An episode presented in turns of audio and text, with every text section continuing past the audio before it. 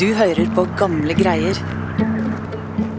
Ytterst i hagegapet i nord går en høy, robust fisker gjennom steinuren med en striesekk over skuldra på en bratt sti. Sekken han bærer er fylt i randen med batterier, kjøttsuppe og annen mat for flere dager. Men det er ikke til han selv. Det skal leveres til to hemmelige agenter han skjuler utenfor det lille fiskeværet, Årviksand i Troms.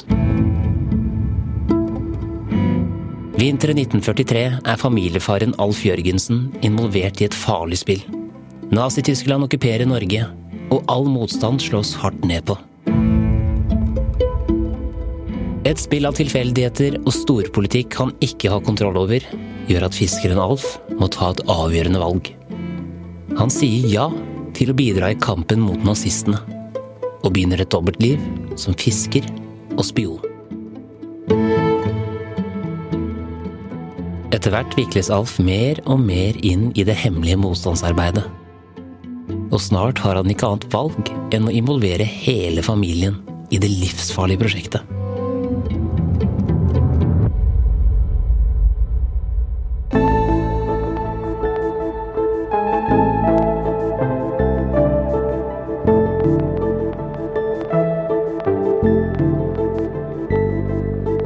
Du hører på Gamle greier, podkast fra Nasjonalbiblioteket. Jeg heter Lars Hamren Risberg. Dette er del én av fire om spionfamilien Jørgensen på Arnøya. Det er journalist og kollega Martine Kaino som skal fortelle historien, som starter en kald og vindfull dag i 1943.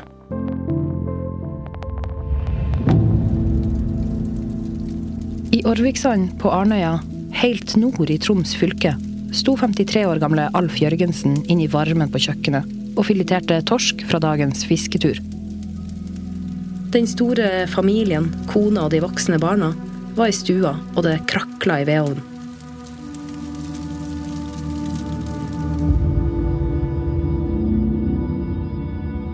Alf titta ut av vinduet, og så broren Otto komme gående mot huset. Alf gikk til ytterdøra og hilste på broren, som bestemt bevega seg opp gårdstunet. Han så alvorlig ut, og hilste raskt før de gikk inn i huset. Otto hadde med seg en viktig beskjed til Alf. To partisanere, altså motstandsmenn i russisk tjeneste, var kommet til øya. Og de ville ha hjelp fra han. Russerne kjempa innbitt mot nazistene, og de ville mer enn gjerne ha hjelp fra villige nordmenn.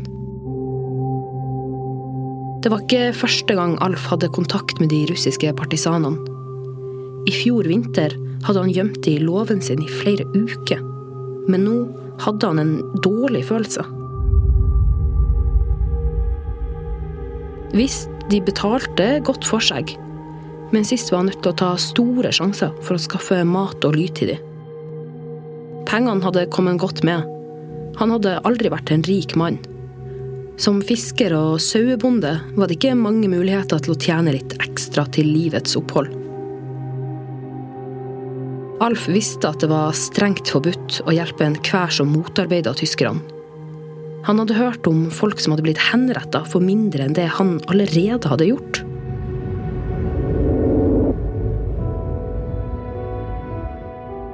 Men til tross for den ugne følelsen, så hadde han gitt spionene et løfte. Han hadde lova partisanen fra året før, Ingolf Aspås, å hjelpe han, skulle de vende tilbake til Orvik. Alf bestemte seg. Han skulle følge opp det han hadde lova. Før de kom første gangen i fjor, hadde ikke Alf vært så påvirka av krigen. Hver dag sto Alf på sjarken og satte garn. Det gjorde han enten sjøspruten piska i ansiktet, eller det var vindstille og glitrende sol. Da ettermiddagen kom, var kar om bord fylt med torsk som skulle selges.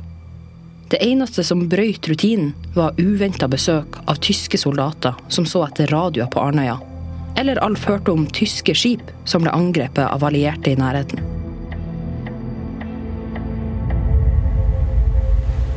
Men Alf visste at øya lå strategisk til og ga utsikt utover Loppehavet. og var et område tyskerne måtte passere for å sende våpen, personell og mat til Finnmark.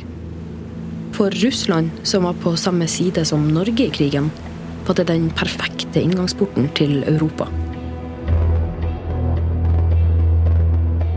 De to brødrene kledde godt på seg og gikk ut i den mørke, kalde vinterkvelden for å møte de to spionene.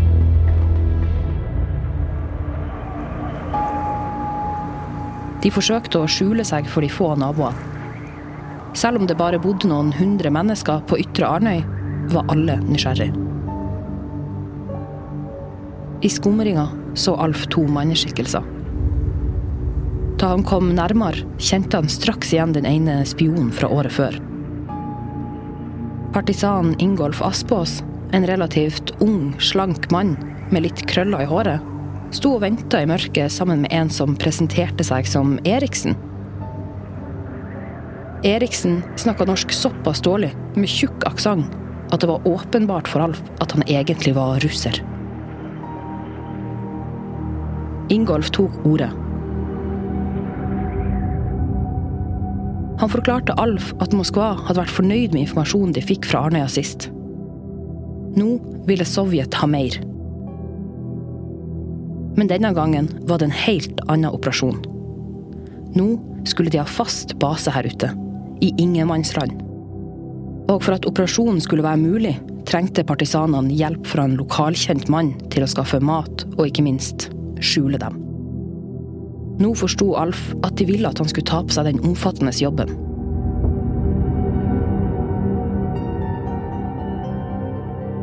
Situasjonen var nokså absurd for den 53 år gamle fiskeren. Han var bare en helt vanlig familiemann, som egentlig ikke hadde noe med krigens gang eller politikk å gjøre. Å ta denne jobben ville dra han inn som en sentral brikke i en spionkrig for Sovjet, Nazi-Tysklands verste fiende. Alf tenkte tilbake på sist gang spionene hadde vært på øya. Da ble det kaos. De holdt til i hans låve og spiste nærmest familien ut av huset. Nå skulle de bli værende her på ubestemt tid. Dette var et vanskelig valg å ta. Men som så mange andre nordmenn ville Alf ha nazistene bort. Å hjelpe de to spionene ville være ett skritt nærmere frigjøringen av Norge. Så Alf sa ja.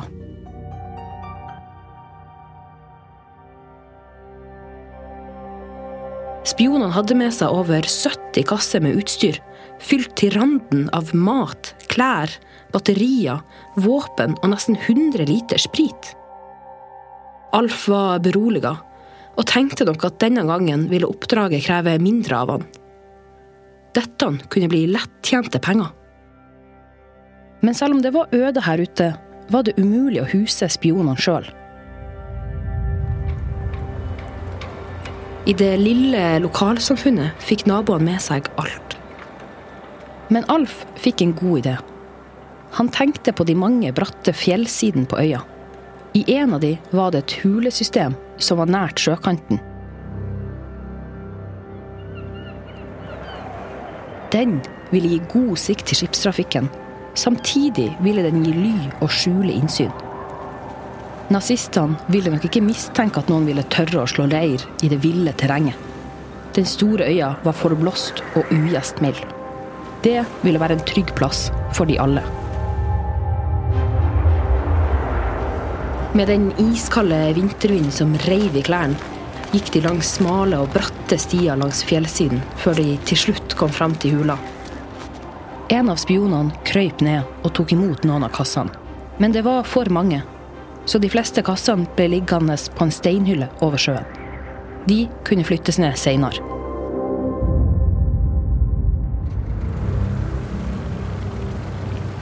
Etter arbeidet var gjort, satte Alf kursen tilbake til Orvik, hvor han bodde. Stille kjørte han gjennom moloen, før han skyndte seg opp til huset og håpa at ingen hadde lagt merke til ham. Alf var kjent som et arbeidsjern i bygda, men etter det nattlige oppdraget tusla han inn i huset for å få litt søvn. Før en ny dag på sjøen venta. Han kunne ikke ta en fridag selv om han var sliten. Folk kunne bli mistenksom hvis sjarken sto i havna hele dagen. Det kunne han ikke risikere.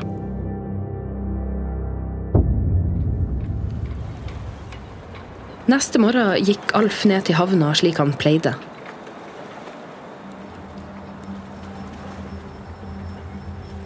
Men da han kom fram, fikk han en uhyggelig overraskelse. Sundslåtte kassebord hadde skylt i land. Han dro kjensel på plankene. Det var agentenes kasse. Det ville vært veldig uheldig om folk i bygda fikk øye på dette. Alf snudde tvert om. Han kunne ikke dra ut på sjøen for å fiske. Han måtte gå til hula. Hva var det som hadde skjedd? Etter noen timer med vandring gjennom både fjellside og steinur, var det en fortvila mann som møtte Alf. Russeren traska utålmodig frem og tilbake. Et voldsomt uvær hadde blåst til i løpet av natta, og tatt med seg nesten alt av utstyret som enda ikke var båret ned i hula. Den sterke vinden hadde revet med seg kassene, og de hadde havna i havet. Ingolf var også blitt syk, og russeren hadde blitt helt alene med redningsarbeidet. Nå var de etterlatt med det ytterst nødvendige. Noen kasser ammunisjon, skytevåpen og litt mat til noen dager. Heldigvis hadde russeren berga det viktigste to sendere og noen batterier som de måtte ha for å kommunisere med Sovjet. Maten kom straks til å ta slutt, og nå hadde ikke partisanerne noe særlig valg. Ingolf forklarte at det eneste alternativet var om Alf kunne skaffe de mat. Alf visste at det var en vanskelig oppgave, nå som de var avhengig av rasjoneringskort for å kjøpe mat. Det var svært risikabelt, og Alf visste at han fort kunne tiltrekke seg mye oppmerksomhet. Og som om ikke det var nok, kom Ingolf med et nytt forslag. Han ville at Alf skulle være fast kontakt for de to spionene. Og det skulle de betale 1000 kroner i måneden for. Alfs øyne lyste opp. Dette var det samme som hans vanlige månedslønn som fisker. Selv om det var mye penger, hadde de to spionene enda mer. De hadde fått med seg hele 60 000 kroner for å kjøpe tjenester. Da Alf så de mange tusenlappene, skjønte han at oppdraget var høyt prioritert av Sovjet.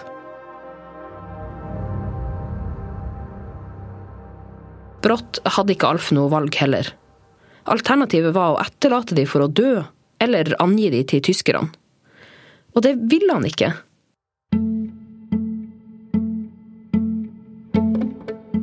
Det viste seg at oppdraget han trodde skulle være lett, var blytungt. Nazistene var ikke nådige mot de som brøyt angiverplikten. Tortur, en dom i arbeidsleir i Tyskland eller døden kunne være skjebnen hvis Alf ble avslørt. Nå begynte et farlig dobbeltspill. Fra utsiden måtte det se ut som han levde sitt vanlige liv som fisker. Ingen på øya måtte få vite at han nå hjalp motstandsbevegelsen. Etter hvert begynte Alf på den syv kilometer lange veien gjennom steinur og langs sjøkanten tilbake til hjemmet sitt i Årvik. Mens han gikk i ura, tenkte han nok på valgene han hadde tatt. Hjemme på gården, i huset til Alf, bodde det seks voksne og to barn. Alle hjemme kjente til spionene og Alf visste at oppdraget han hadde sagt ja til, også ville sette de i fare. Uansett var det mest akutte problemet å skaffe en stabil flyt av mat. Alf vridde hodet for å komme på en løsning. Hvordan skulle han skaffe nok mat til å brødfø to store, sterke menn? Under normale omstendigheter ville butikkarbeiderne lurt på hvorfor familien Jørgensen plutselig begynte å hamstre mat. Nå var det jo dessuten rasjonering. Strenge kvoter med mat for hver enkel husholdning registrert på én adresse. Spionene kunne heller ikke bare leve på fisk. Det virka som en umulig oppgave.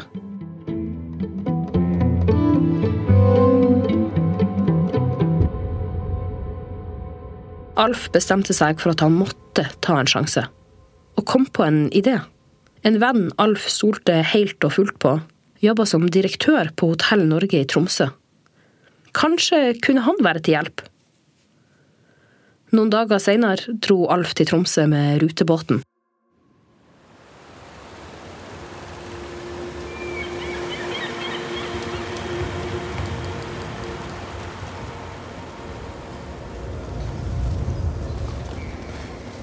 Byen var pakka inn i et hvitt lag av snø, og det knitra under beina på ham. Alf gikk gjennom byens mange gater og holdt øynene åpne for Gestapo. Det var første gang han var nervøs for å være i Tromsø.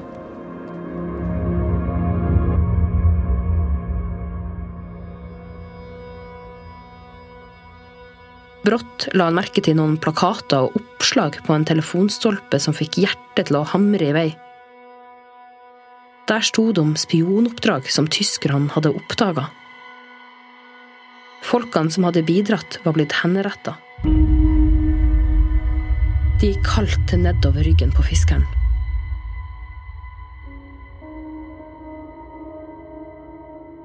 Mens tankene surra, så han opp på skiltet til Hotell Norge.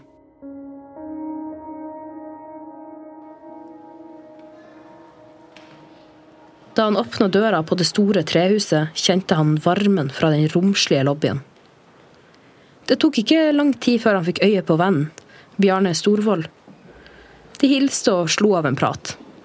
Det var ikke ofte Alf var i Tromsø, så vennen var nok overraska over å se ham. Etter litt gikk de inn på direktørkontoret til Bjarne. Da døra ble lukka, og de to var helt alene, la Alf alle kortene på bordet. Det var ingen grunn til å skjule noe. Hvis Bjarne bestemte seg for å hjelpe, måtte han vite hva han utsatte seg for. Nesten umiddelbart sa direktøren ja til oppdraget. Han var heller ikke noe tilhenger av nazistene. Bjarne la raskt en lur plan. Han foreslo at han kunne ta inn ekstra mat til hotellet, som han i all hemmelighet kunne gi videre til Alf. Kostnaden skulle bli betalt av partisanene, forsikra Alf om, og betalte på forskudd med en gang.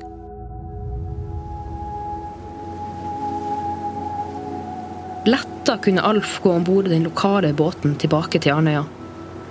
Nå hadde Alf fått en hjelper han kunne stole på. Båten glei ut av havna, og han så byen forsvinne i horisonten. Blikket hans fulgte de fredfylte og majestetiske Lyngsalpene, mens båten skjærte gjennom vannet og nærma seg den trygge gården i Orvik. Han hadde fått et vanskelig og farlig oppdrag i fanget. Men fiskeren kunne trøste seg med at han nå lå godt an. Han hadde løst problemet med matforsyninger. Nå hadde han vind i seilene.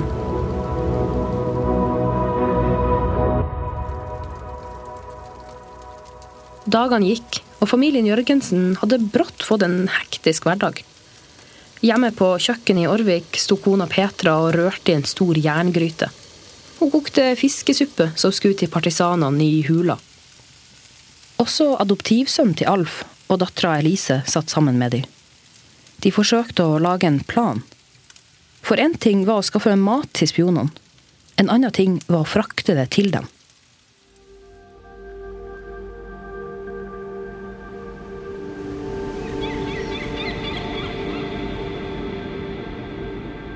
Det var en lang og krevende vei ut mot Rotvåg, der hvor hulesystemet lå. Særlig når de skulle bære på store mengder proviant. Selv om turen kunne gjøres på noen timer til vanlig, så var terrenget krevende.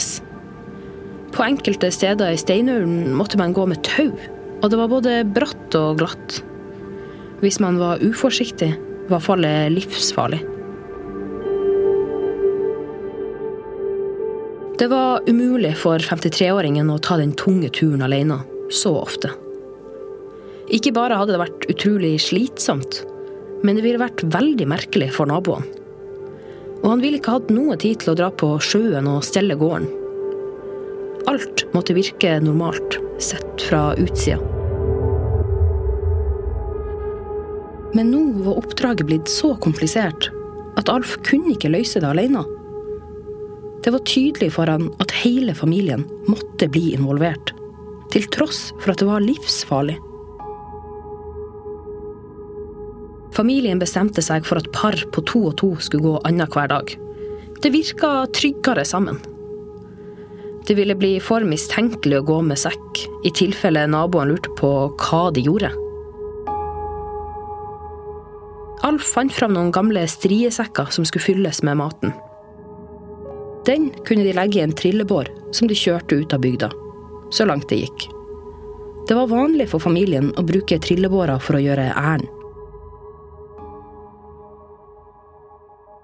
Dagene og ukene gikk, og det samme gjorde skytteltrafikken til hula.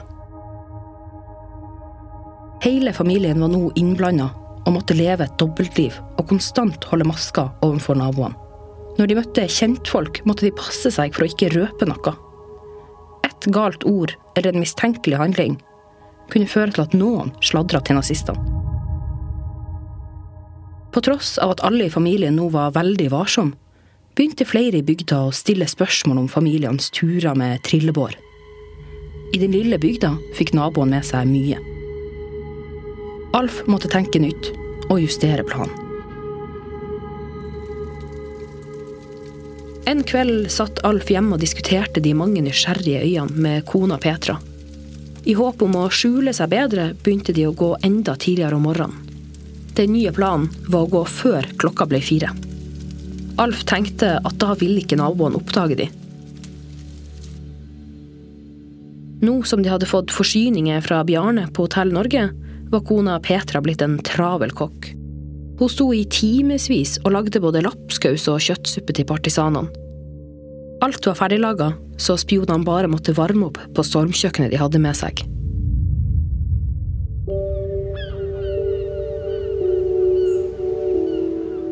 Det begynte å gå mot vår på øya. Alf og familien forsøkte å opprettholde et slags normalt liv til tross for at de drev med et hemmelig dobbeltspill.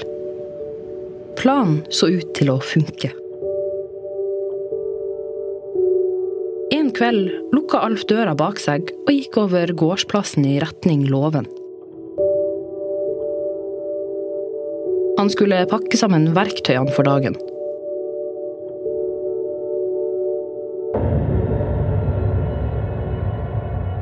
Plutselig steg to skikkelser ut av de mørke skyggene i låven.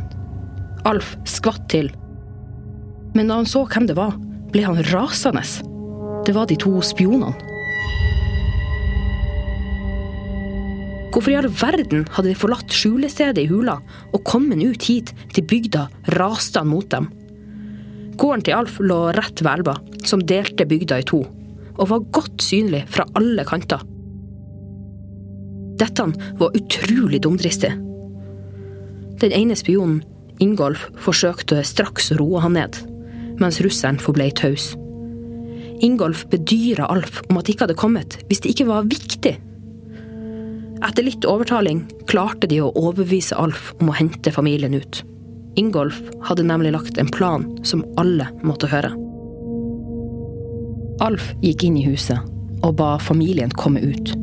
De kledde på seg og fulgte patriarken ut i låven. Familien gjorde som han sa. Det var helt mørkt, så de tente bare noen få lamper. Til tross for at det var seint på kvelden, var det best å være forsiktig. Selv om familien og partisanene var blitt godt vant til hverandre, var det en anspent stemning. Alf hadde fått med seg at Ingolf hadde en tendens til å bli ganske hissig hvis ting ikke gikk som han sa. Russeren derimot virka å være hans rake motsetning. Alltid blid og med et smil om munnen.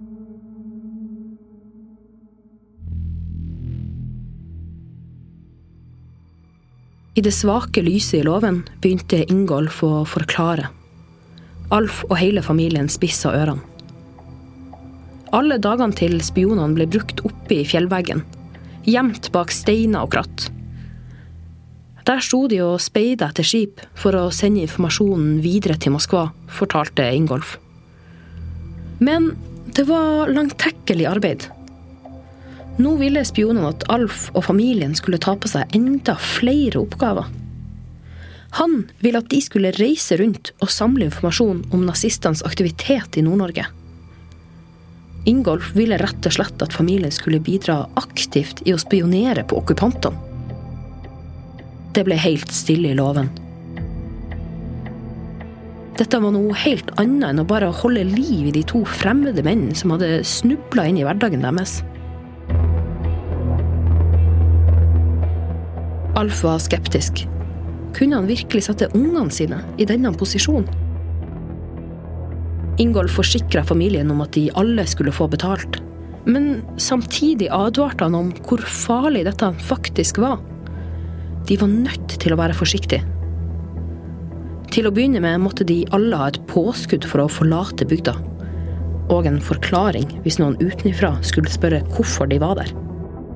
Etter en stund kom Alf med svaret.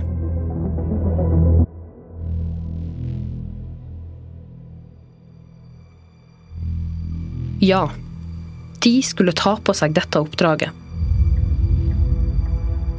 Familien var villig til å hjelpe partisanene med å spionere på tyskerne.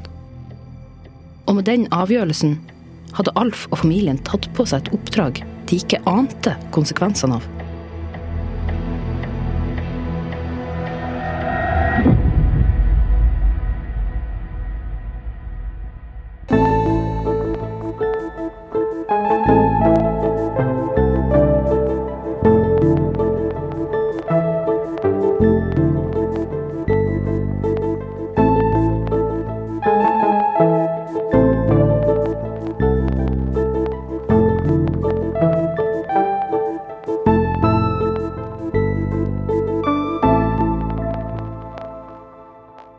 del én av fire om spionfamilien Jørgensen på Arnøya.